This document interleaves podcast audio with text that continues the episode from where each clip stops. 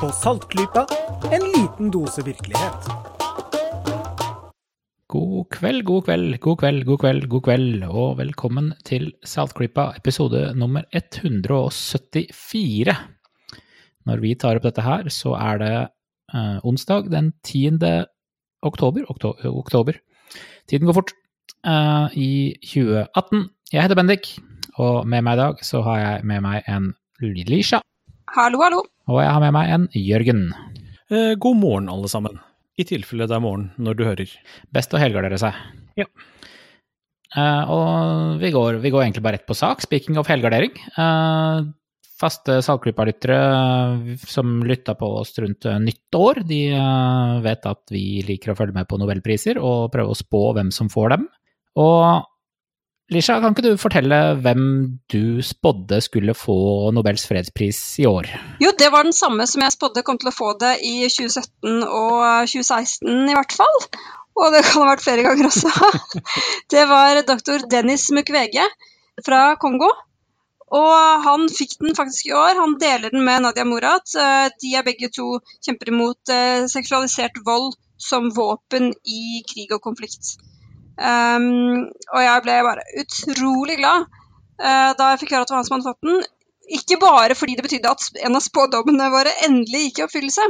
Eh, det var mest det du tenkte på. Mest, det var nok en uh, viss del av det, ja. Men det her viser jo veldig bra at hvis du bare fortsetter å spå det samme, så vil det jo statistisk sett før eller senere slå til. Så jeg føler at eh, når det gjelder disse spådommene våre som vi som våre lyttere vet tar en gang i året, så ja, dette er metoden, da. Jeg skal nok bare satse på samme hest fremover. Men nå har du gjort, eh, sagt én liten feil. For jeg kan spå at jeg kommer til å vinne Nobels fredspris i år, eller neste år. Jeg har satset på neste. Eh, og bare det at før eller siden, så er det er ikke gitt at den eh, kommer til å kicke inn eh, Det før må eller vel siden. ha et Altså. Det er eh, visst forhold til virkeligheten. Det må det vel ha. Viss basis i realitetene. Så, så sjansen for at jeg får Nobels fredspris, så klart den, det, det kan skje. Det, det er ikke noe sånn kosmisk lov som sier at ikke jeg kan få den, men, eh, men det er jo ikke så veldig Nei, stor da må du eh, branch out litt i det kommende året, tror jeg. Men det kan du gjøre. ja, men det Ja, kan jeg gjøre. å, klarer vi å tallfeste sjansene for at du skal vinne Nobels fredspris? da? Ja, så det er jo 7,5 milliarder mennesker på jorda, så 1 til 7,5 milliard, eh, kanskje? Det er faktisk mindre enn det, da, fordi at, eh, og og det må være litt bedre enn det, for det er jo en del av de 7,5 milliardene som allerede har vunnet fredsprisen, og du vinner jo ikke to Det ganger. er sant. Så det de Det er sant. fra. Eh, Jeg kan trekke fra de, de, de 30-40 personene som er i live som har fått den, fått den allerede. Det gjør jo en verden av forskjell, det øker jo sjansene mine betraktelig. Ja. Men, eh, men det var egentlig veldig, veldig passende at vi kom inn på dette temaet her, fordi, eller at dette her eh, skjedde. Fordi vi hadde planlagt å snakke litt om statistikk og sannsynlighetsberegning i dag. Og da er jo dette her faktisk en utmerket anledning til å, til å bare hive oss rett inn i eh, temaet. Jørgen, hvem er det du har gravd opp i år, eller gravd opp i dag? Jeg tenkte jeg skulle ta en liten omvei før jeg begynner å grave opp noen, men jeg har jo Altså, vi snakker jo innimellom om ren logikk, hvordan tenke, hvordan resonnere seg fram til beste resultat osv. Det er en ganske viktig del av det vi driver med. Eh, og noe av det jeg har snakka om opptil flere ganger, er det med at det er viktig å eh, leve med usikkerhet. At man ikke skal tro eh, fullt og helt på ting. Fordi da er det mye lettere å skifte mening, hvis man ikke har gifta seg med en tro. Eh, Så er det mye lettere å si at å ja, ja, men da ok, da ble jeg litt mindre sikker, og så får man kanskje litt ny informasjon, og så kan man uten alt for, eh, at det gjør altfor vondt i sjela, så kan man skifte mening. Så det er noe jeg har snakka om flere ganger. Og så har det seg sånn at eh, som faste lyttere vet, så hører jeg på veldig mange podkaster. Og disse podkastene hører jeg primært på mens jeg kjører bil, fordi jeg langpendler. Og da har jeg i liten grad muligheten til å sjekke opp hva folk på podkastene snakker om, når det er et eller annet som jeg syns hørtes rart ut. Men så var det her om dagen at jeg hørte på Skeptics Guide to the Universe, hvor de sa et ord som jeg kom på at det ordet har jeg hørt før. Eh, De snakka om eh, Bayesian reasoning, Eh, og så slo jeg opp det, og har nå lest meg litt opp på bayesianisme, som vel er sånn man uttaler det på norsk. Og plutselig så fikk jeg litt mer eh, tak sånn teoretisk på de tingene som jeg har tenkt litt mer sånn intuitivt, sånn jeg beskrev det i stad. Eh, men det er altså en eh, matematiker som levde for lenge siden, som het en engelsk fyr. Han het Base. Thomas Base. Thomas, ja. Han har laget en læresetning, Base-teorem, som er det altså statistikk, som handler om å håndtere usikkerhet. Um, og den er da, kan da brukes i overført betydning, og det er der liksom uh, de brukte den i uh, Skeptics Guide to the Universe. At de altså snakker om dette her med rett og slett å beregne ting med usikkerhet uh, i det vanlige. Ikke matematisk, men i det vanlige. Men basisen er altså en matematisk læresetning, kan vi vel kanskje kalle det, Eh, en formel for hvordan man, eh, man endrer mening eller endrer resultat ut fra nye data som kommer til.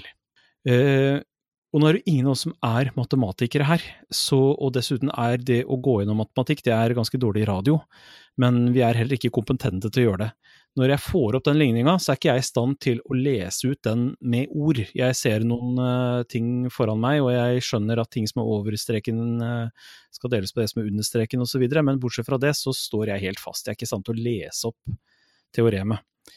Um, men det er ganske spennende, og det er liksom det vi skal prøve å pløye oss gjennom i dag, da. Hva er uh, Bayes-teorem? Hva er bayesianisme? Ja, for det, for det er liksom eksempelet som, som, vi liker å høre når vi leser en, en statistikkbok eh, eller en kritisk tenkningbok som tar opp litt av dette her, eh, og det eksempelet som de alltid gir, er jo eh, sjansen for at man blir feildiagnostisert av å ta en test på sykehuset, f.eks. Ja. At uh, liksom du, du, kan, du, kan, si at vi, statistikken er at 1% av kvinner i middelalderen Nei, i middelalderen, sier jeg. 1 av kvinner de, er, de er ikke så gamle. Det er 1% av kvinner i 40-årene har en eller annen form for brystkreft. Uh, og så går de til uh, mammografi, og mammografien det, det, det, 1 den kan måles, liksom. Den er, den er ganske grei. Uh, men så, så, går de og, og, tar en mammografi. Men så har mammografien en feilsjanse. Den uh, vil identifisere riktig i fire av fem tilfeller ca. Så drar du da til, uh, til mammografen din, og så kommer han der og sier ja, vi må sjekke ut dette her.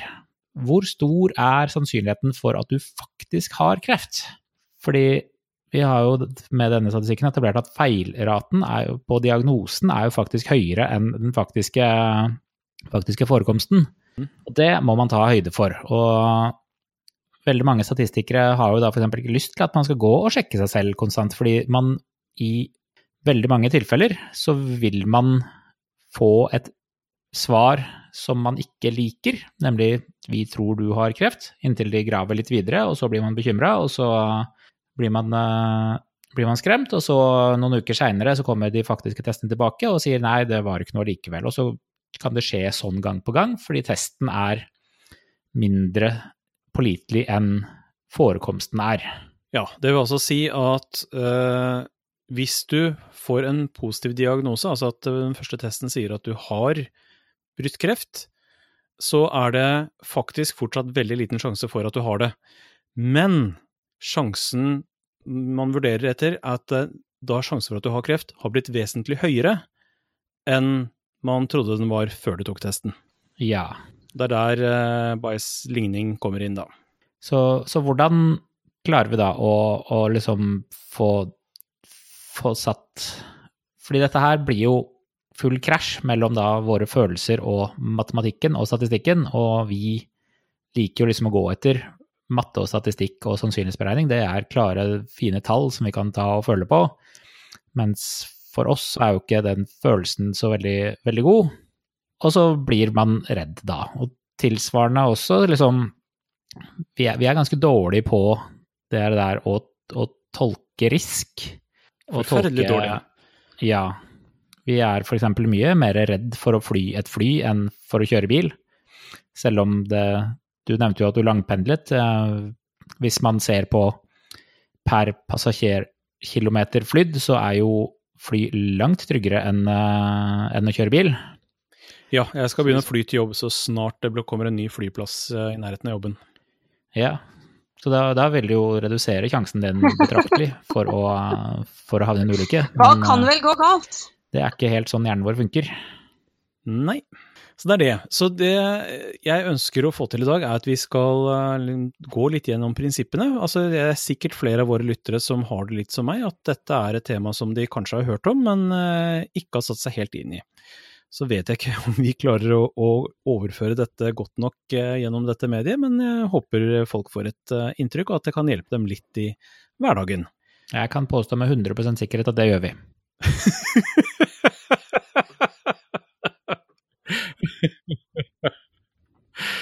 Ja.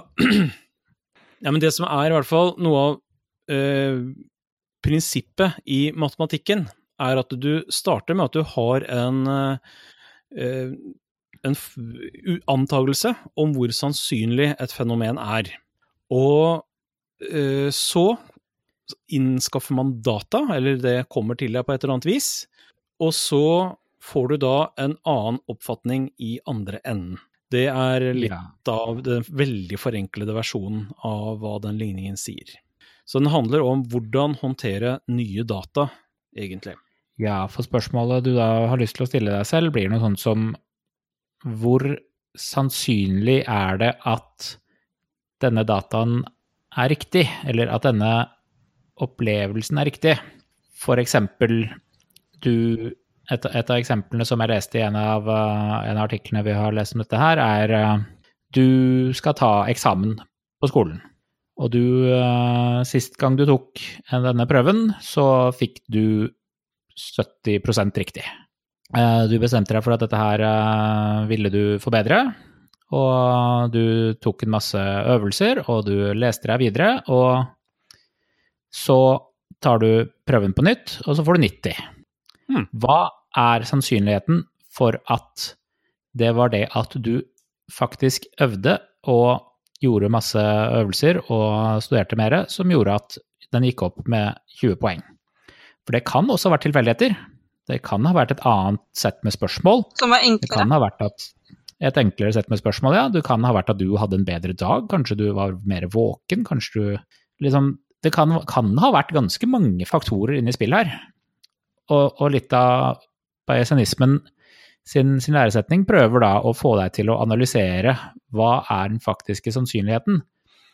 Fordi hvis, nå, nå var det en ganske klar forbedring i dette eksempelet her, når du gikk fra 70 til 90 poeng, mens Og den vil jo da gi en sterk indikator på at det hjalp. Mhm. Da er du liksom litt utenfor det tilfeldige svingningen. Mens hvis du eh, tok testen på nytt og gikk opp fra 70 til 72, så mm. vil du konkludere med at det ikke hjalp så mye. Ja. Mens det kan jo selvsagt ha vært tilfellet også at den egentlig hjalp masse, men at da på andre forsøk så hadde du en skikkelig dårlig dag, og du hadde mye vanskeligere spørsmålsett. Så, så sånn må man liksom prøve å, å tenke og der. Og dette er ikke liksom Det er ikke matematisk mulig, eller engang logisk mulig, å sette faktiske prosentsatser på hver av disse casene her, fordi du har ikke så mye data på dem. Nei. Så hvordan klarer du da å kalkulere det? Det er jo det Base prøver å hjelpe oss med. Ja. Og jeg skulle egentlig veldig gjerne hatt en eh, som var god på dette her til å lære oss opp, men vi eh, rakk ikke å skaffe et intervjuobjekt til i dag. Så dere får greie dere med vårt forsøk på å overføre dette her til eh, litt mer hverdagstenking. Mm. Det er litt av mitt mål i dag. Det er en av de artiklene jeg fant som i stor grad var det jeg lette etter. Det er en eh, engelskspråklig artikkel på eh, Gizmodo som eh, har tittel 'How base rule can make you a better thinker'. Som er en fyr som heter Spencer Greenberg, som har dette som en av sine fanesaker. Å bruke base i, i vanlig tenking. Og da går det litt mer over på Altså, du går litt vekk fra matematikken. Men det går på å bare bevisstgjøre seg selv på at jeg tror dette, men det har en usikkerhet. Hvor usikker er jeg? Når det kommer nye data, hvordan påvirker det min sikkerhet om det jeg trodde? Og sier å ja, da var det Det passer ikke helt med sånn jeg mente det var. Da må jeg være litt mindre sikker framover. Og så er man mer åpen for nye data når det kommer, og så går man gjennom det samme hver gang man får nye data som eh, har noe med den saken å gjøre. Og på den måten så blir, eh, blir det litt mer flytende, litt, kanskje litt vanskeligere å forholde seg til. Det krever litt mer eh, hjernekraft. Det er en langsom måte å tenke på. Eh, men over tid så vil du sannsynligvis ha mer og mer rett, uten at du på noe tidspunkt må ha en omveltning i det du tror på. Ja, og, og, og der skal jeg bare ta en uh, Prøve å ikke spore av uh, helt ved å si at det er veldig vanskelig for oss mennesker å drive og, justere tankene våre hele tiden. Vi liker stort sett å bestemme oss for en ting og stå på den, ved. Ja. Det er jo der deler av hjernen vår driver og slåss litt med seg selv. Vi har jo den rasktenkende delen av hjernen som er sånn type det rusler i buskene, er det et rovdyr som skal spise meg? Eh, hvor man rett og slett reagerer veldig fort og ofte tar eh, feil, og det gjør ikke noe. Du har kanskje skvettet litt og brukt bitte litt energi på å hoppe opp, eh, men det gjorde ikke noe. Og så er det de gangene hvor det er mye mer kompliserte saker, eh, hvor man må tenke seg ordentlig om å analysere det for å finne ut hva, hva i all verden var det riktige her. Og da kan det i visse tilfeller, særlig i vårt rimelig komplekse samfunn, så kan det ha veldig stor betydning. Eh, vi finner det igjen i eh, masse vitenskapssaker som påvirker samfunnet, sånn som hva er risikoen ved å ta vaksiner kontra ved å ikke ta vaksiner, osv., som er en av de brennhete sakene som stadig dukker opp igjen. Mm. og der er det med å tenke langsomt, som er jo et helt eget uh, program i seg selv, egentlig, uh, ganske viktig. Og det med base og, og hvordan man forholder seg til usikkerhet, er vesentlig i denne sammenhengen. Men det som er poenget mitt, er at bare man uh, venner seg til den tankegangen med usikkerhet, at alt har en usikkerhet, og det er usikkerheten du skal justere på når du møter nye data, uh, så ja, det koster deg litt i tenking, men det blir uh, sjeldnere og sjeldnere at du tar ordentlig feil på ting. Mye lettere å bytte mening, og det er veldig verdifullt i det lange løp. Hmm. Mener nå jeg, da. Ja, nei, vi, vi er jo sånn cirka enige her. Det, har vi noen, noen liksom, metoder vi kan bruke i hverdagen for å, for å prøve å bli bedre på dette her? Det er eh, Jeg har det med eh, når det dukker opp saker hvor jeg kjenner at nå ble jeg irritert over det noen sa, fordi dette er jo ikke sant, det stemmer ikke. Da er det å også venne seg til at det er et sånt triggerpunkt for å se mm, her er det at jeg reagerte med følelser, ikke rasjonelt. Selv om jeg kanskje har tenkt på dette før og mener at jeg er helt rasjonell på dette her, så er det å bli irritert på noen for en faktapåstand, det er en grunn til å gå i tenkeboksen og vurdere usikkerhet. Og den er kjempevanskelig, men altså, igjen, det er vaner. Lær deg vanen. Det er, eh, den er tung, altså. Den, eh, den veit jeg ikke om jeg klarer sånn på stående fot. Nei. Uh, og det er en ting til. Nå har jeg altså ikke forstått helt matematikken, men sånn jeg har forstått den eh, setningen, så er uh, altså den matematiske læresetningen, eller teoremet, så er det Du skal sammenligne uh, sannsynlighet for at det du tror på er riktig, opp mot sannsynligheten for at det du tror på er feil. Mm. Når du møter nye, nye fakta. Og det med å ta med den delen av læresetningen, det er ganske nyttig sånn også utenfor matematikken. At du venner deg til at det er et punkt til. Det handler ikke bare om hva er sannsynligheten for at jeg har rett, det er hvordan påvirker dette sannsynligheten for at jeg tar feil. Og ja. venne seg til å ha med det punktet etterpå. Det er en av de nye tingene jeg har fått med nå, som jeg driver og øver meg på å innarbeide i måten jeg tenker på. Og uh, har allerede fått noen uh, sånn politiske diskusjoner og sånn, og jeg tenker at eh, ja, nei, vent nå, her er det noe utenfor hva jeg har tenkt på i det hele tatt, som jeg faktisk må ta opp til nøyere vurdering før jeg er sikker på denne saken. Det er jo det vi, eh, vi som, som liker skeptisk tenkning, liksom skal være så flinke på, er å hele tiden ha i bakhodet jeg kan ta feil. Det kan være nye, ny informasjon som jeg bare ikke har, og, og da prøve å, å vurdere den fortløpende. Ja. Og det er ganske mange som bekjenner seg til den uh, vitenskapelige skeptisismen, som er det vi snakker om her, som uh, nok ikke egentlig uh, klarer å tenke sånn så ofte, og veldig ofte er fryktelig skråsikre, der det egentlig ikke mm. er grunnlag for å være så skråsikker. Det er en sannsynlighet for at de har rett, men det finnes også en viss sannsynlighet for at de tar feil. Og det ja. er det mange som ikke helt klarer å akseptere i hverdagen. Det, det er en, uh, en, tegneserie av eh, XKCD som, uh, som tar litt opp dette her. Den heter jo Bayesisk versus Frequentition Statistics. Og, og premisset på den er De har laget en robot som i hemmelighet ruller to terninger. Og hvis begge to kommer opp med, med seks, så vil roboten lyve når den svarer på spørsmålet vi stiller den. Og så eh, ber de den om å rulle to terninger og fortelle oss om sola har eksplodert. Så ruller den terninger, sjekker svaret. Vi får ikke vite hva den har rullet, den eh, ruller selv. Og så svarer den ja, sola har eksplodert. Så en, uh, en frekventist vil da si at uh, sjansen for at Sjansen for at den rullet to terninger til seks er ganske liten. Den er 1 eh, til 36. Så sannsynligheten er veldig liten for at han lyver. Og dermed så kan vi konkludere med at eh, sola har eksplodert. Mens eh, den biasistiske mannen som da står ved siden av, sier bare 'jeg vedder deg 50 spenn på at det ikke har skjedd'.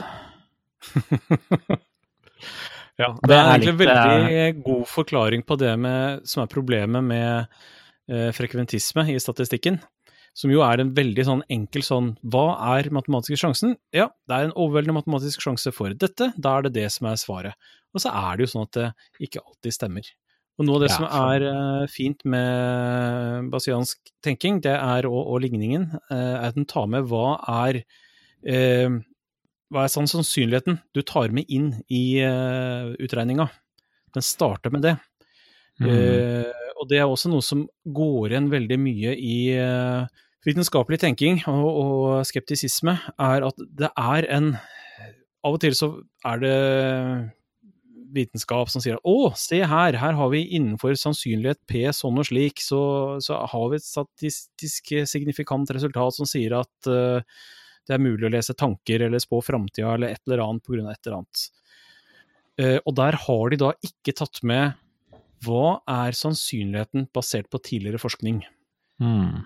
Uh, men det er noe som man bør putte inn eh, i sånne forsøk, og i Hvis du skal i hvert fall følge eh, bayesiansk metode riktig, så skal det være med fra start. Ja. så det er både matematisk og i hverdagslogikk så er det viktig å ha med det. Så for, for, da å gå tilbake til det originale eksempelet, hvor jeg da gjorde frekvensiell eh, analyse, hva er sjansen for at jeg vinner Nobels fredspris i 2019? Mm. Den, er ikke én til syv eh, og noen milliarder. Den er faktisk mindre enn det. så, så, liksom en, en bookmaker ville, ville tatt 1 til 7 milliarder odds uh, på meg, og, og, tjent penger på det. Ja. Liksom, og, og, det For det er liksom ikke det er, det er, ikke bare frekvensen av noe som overgår. Det er ikke tilfeldig alt sammen. Det er ikke Hvem som får Nobels fredspris, er ikke bare en random person på jordens overflate.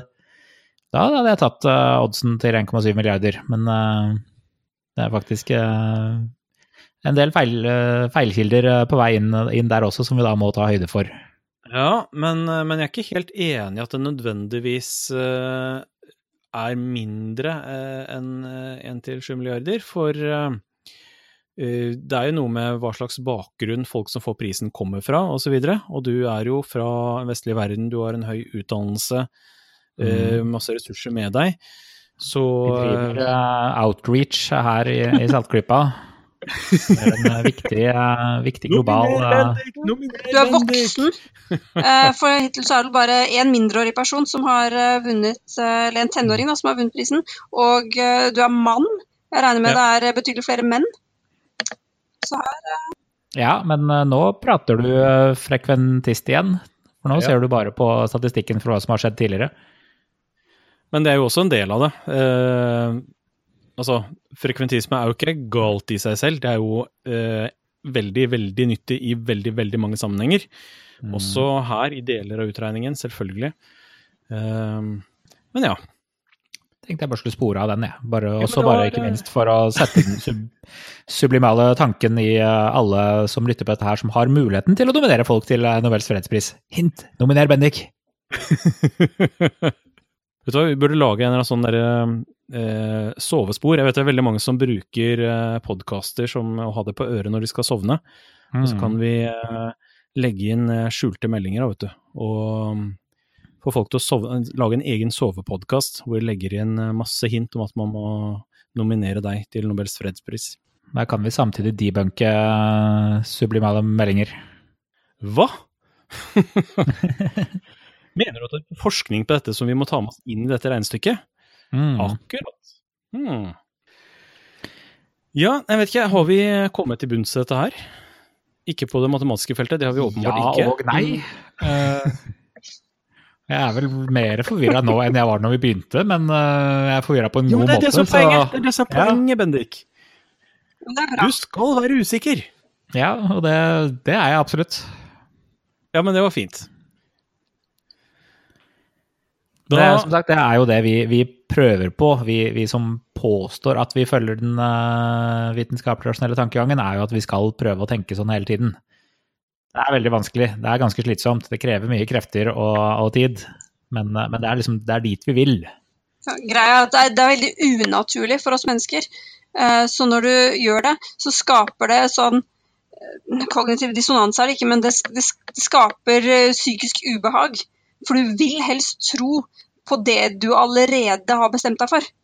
Og du vil helst følge den banen som du liksom allerede er inne på. Så det er, hvis man føler at det er ubehagelig, så er det bare Det beviser at du er et menneske og ikke en robot. Du er en av oss. Ja. Det er helt normalt. Helt normalt, men samtidig så bør du prøve å bli kvitt eh, dette ubehaget og venne til at eh, hei, jeg lærte noe nytt, og det jeg trodde var sant, var kanskje ikke så sant likevel. Jippi! Du vet mer enn det du visste i går eller når det måtte være. Og det, jeg tror også at hvis du venner deg til det, eh, så blir det over tid I dag aldri behagelig blir ikke, men det vil bli mindre ubehagelig. Hvis du, som du snakket om, eh, Jørgen, at man venner seg til at man tar det utgangspunktet. Mm. Så føles det ille først, men så måte går det seg litt til. Nei, altså Hele målet mitt i dag var for det første å få en anledning til igjen å snakke om dette her med å forholde seg til verden med usikkerhet. eh, At det er en nyttig ting. Og så har det for meg vært en liten oppvåkning å se at ja, men her finnes det faktisk ganske mye tanker som går ganske dypt. Og det er altså en forholdsvis eh, enkel, eller i hvert fall eh, ganske rigid matematisk formel som eh, du kan bruke til å gå ganske dypt inn i en litt mer sånn filosofisk tilnærming til hverdagen din. Så hvis man er litt interessert i dette her, så anbefaler jeg absolutt å prøve å lese seg opp på dette, for kanskje du kommer litt videre og, og får glede av å se at oi, oi, oi, jeg fant bedre måter å tenke på. Jeg syns i hvert fall det er veldig tilfredsstillende. Så i eh, sendingsnotatene så har vi flere lenker med forskjellige nivåer av eh, eh, kunnskap og, og ja, utredninger om eh, Base og hans eh, teori, og åssen bruke det i hverdagen, og åssen bruke det matematisk. Og der, eh, ja, vi oppfordrer alle til å gå inn i sendingsnotatene og klikke litt på lenker og lese opp på det de eh, føler er mest relevant for dem. Ja. Ja, men da vi, tror jeg vi bare sier det sånn, ja. ja. Det blir, eh, blir litt eh, hjemmelekser, men eh, det får vi bare tåle. Ja. Eller så for dem som syns at det å gå og lese på noe, det var litt for tungvint. Jeg vil ha all min informasjon på øret. Det er en grunn til at jeg hører på Saltklypa, som er en podkast. Så kan jeg da anbefale en annen podkast. Så da er vi over på anbefalinger. Da er vi igjen på vi... Ja. Da har vi en podkast som heter You Are Not So Smart, som vi har nevnt opptil flere ganger tidligere. I episode nummer 73 så går de gjennom uh, Bays uh, teorem, og hvordan oppdatere sine egne meninger. Mm. Høyst anbefalt. Ja. Og ellers så anbefaler vi folk å gjette på hvem som skal få nobelprisen eh, til neste år. Ja. Og jeg skal fortsette å tippe på at uh, dronning Elisabeth kommer til å dø eller abdisere neste år. Som jeg nå har gjetta på. Før eller senere så må hun jo Ja. bikke. Før eller siden. Det er høysannsynlighetsgjetning, absolutt, og hvert eneste år så øker sjansen. Hun har vært i live 100 av livet sitt hittil, da. Det er sant, og etter hvert mot ganske mange odds, så kanskje det begynner å nærme seg eh, sånn at man begynner å tenke på udødelighet her. Jeg vet ikke. Mm. Det er en uh, teoretisk mulighet at, uh, at, hun bare nekter å dø. Ja. Det har ikke skjedd ennå, men, uh, men, men, hun har jo til gjengjeld så har hun ikke dødd ennå heller, så Nei, hun har ikke det. Vi kan ikke bevise at det ikke kan komme til å skje. Og så mange timer jeg tilbringer i trafikken hver uke, så er det jo en viss sjanse for at jeg rekker å dø og ikke spå det riktige år at hun skal dø. mm. Ja. Så ja da. Nei, fy da. Nei, men da tenker jeg vi runder av på den uh, joviale tanken der, jeg. Ja. det syns jeg vi skal gjøre. Enten Jørgen eller dronning Elisabeth kommer til å dø først. Jepp. Da gjenstår det bare for oss å ønske alle en riktig god dag, bare for å ha representert alle tre uh, tider på døgnet sånn uh, i samme episode. Og uh, si at snakkes vi igjen om et par uker. Ha det bra, alle sammen. Ha det God bra. natt. God middag. Saltklypa lages av Kristin Lisha, Jørgen og Bendik. Har du spørsmål, anbefalinger, ris eller ros, send det til post at saltklypa.no, eller finn oss på Facebook. Lenker til alt vi har snakket om i episoden finner du på saltklypa.no, hvor du også kan abonnere på podkasten for å få hver episode levert på døra helt gratis. Takk til Smart 9000 fra Evig poesi som har laget kjenningsmelodien.